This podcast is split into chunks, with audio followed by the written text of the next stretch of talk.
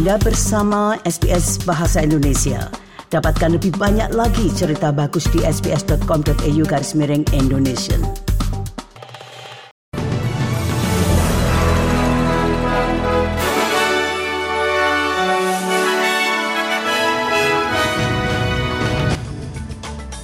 Sari berita untuk hari Minggu 11 Juni 2023. Menteri Perumahan memperingatkan pemblokiran rencana undang-undang untuk perumahan murah oleh Partai Hijau dianggap sebagai pengkhianatan terhadap warga Australia.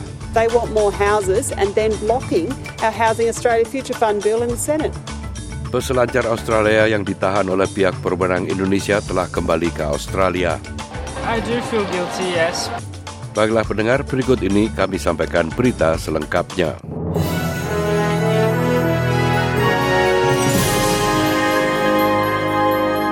Berita selengkapnya. Perdebatan antara pemerintah Albanisi dan Partai Hijau mengenai dana perumahan masa depan senilai 10 miliar dolar akan diajukan minggu ini ke Senat. Pemerintah berusaha untuk meloloskan undang-undang untuk menetapkan dana yang akan digunakan untuk membangun perumahan sosial dan terjangkau. Namun Partai Buruh menolak menerapkan pembekuan sewa yang diminta oleh Partai Hijau agar dilakukan oleh pemerintah untuk mendapatkan dukungan partainya. Menteri Perumahan Julie Collins memperingatkan pemblokiran rencana undang-undang itu akan menjadi pengkhianatan terhadap warga Australia. Ia mengatakan kepada Sky News bahwa pemerintah telah bernegosiasi dengan etiket baik. Well, the whole point of the fund is that it's there in perpetuity so that institutional investors, community housing providers have certainty that this funding will be available each and every year to leverage more investments, to get more homes on the ground. We can't have Liberal members, coalition members writing to me saying we have a housing issue, they want more houses, and then blocking our Housing Australia Future Fund bill in the Senate. Senator liberal Michaela Cash mengatakan pekerjaan pemerintah yang sama, kebijakan pembayaran yang sama akan mengurangi produktivitas dan meningkatkan pengangguran. Undang-undang yang diusulkan akan memaksa perusahaan untuk membayar upah tenaga kerja dengan tarif sama dengan karyawan langsung. Meski belum ada, kelompok usaha sudah melakukan kampanye nasional untuk menentangnya. Senator Cash mengatakan kepada Sky News bahwa bisnis memohon pemerintah untuk fokus pada produktivitas. This will not bode well for employers. Governments don't create jobs, employers do.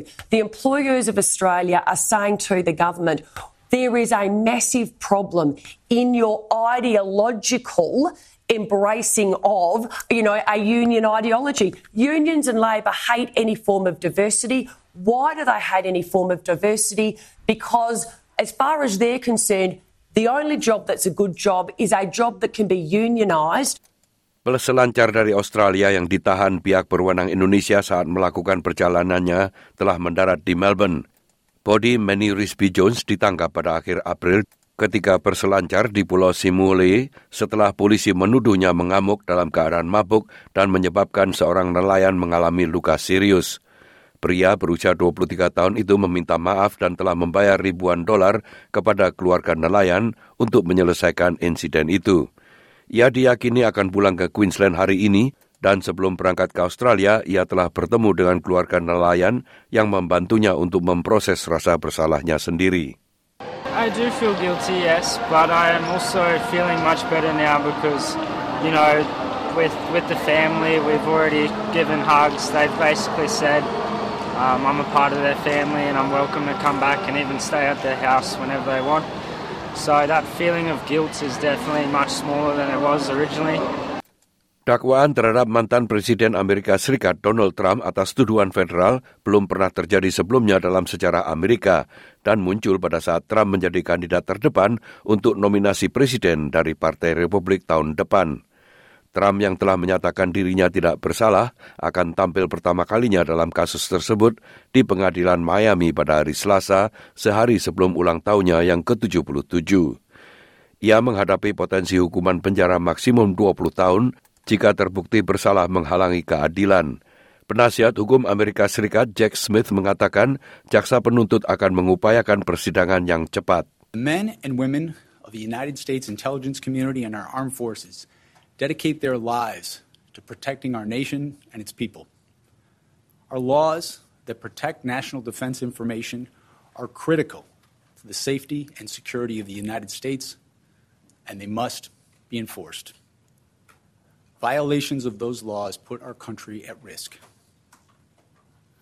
Adherence to the rule of law is a bedrock principle of the Department of Justice. Sementara itu, mantan Presiden Amerika Serikat Donald Trump telah menggunakan penampilan publiknya untuk mengintensifkan serangannya terhadap Departemen Kehakiman. Ia menuduh jaksa telah melakukan kampanye bermotivasi politik untuk menjauhkannya dari Gedung Putih.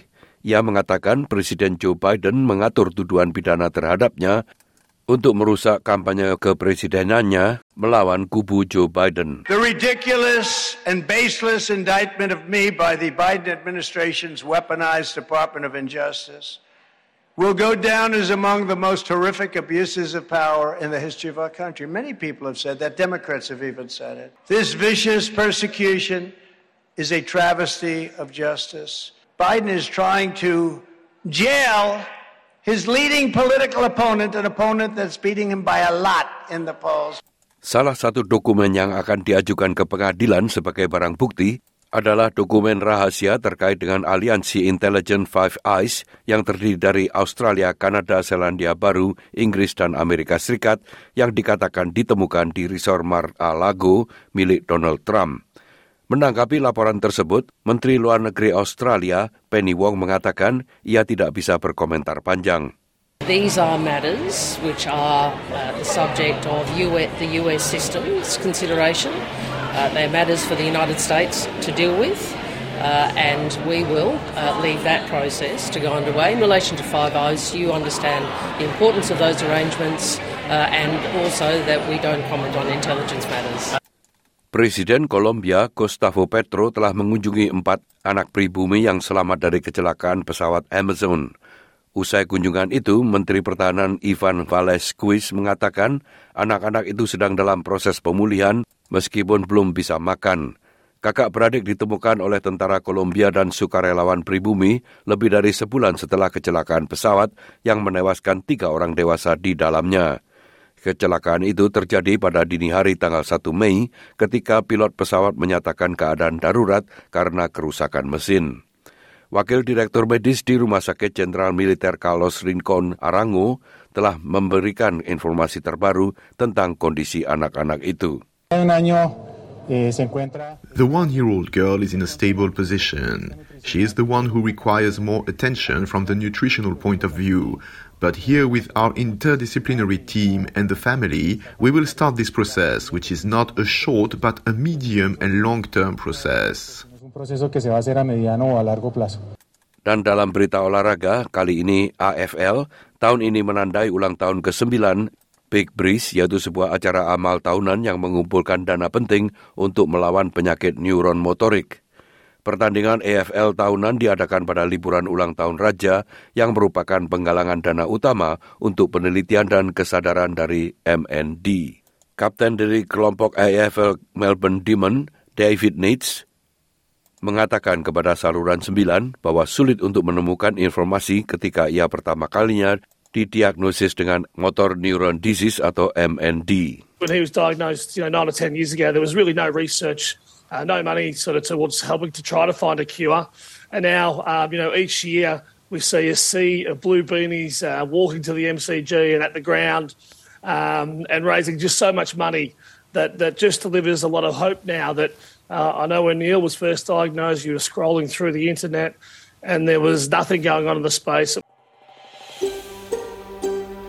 Sukai, berbagi, komentar.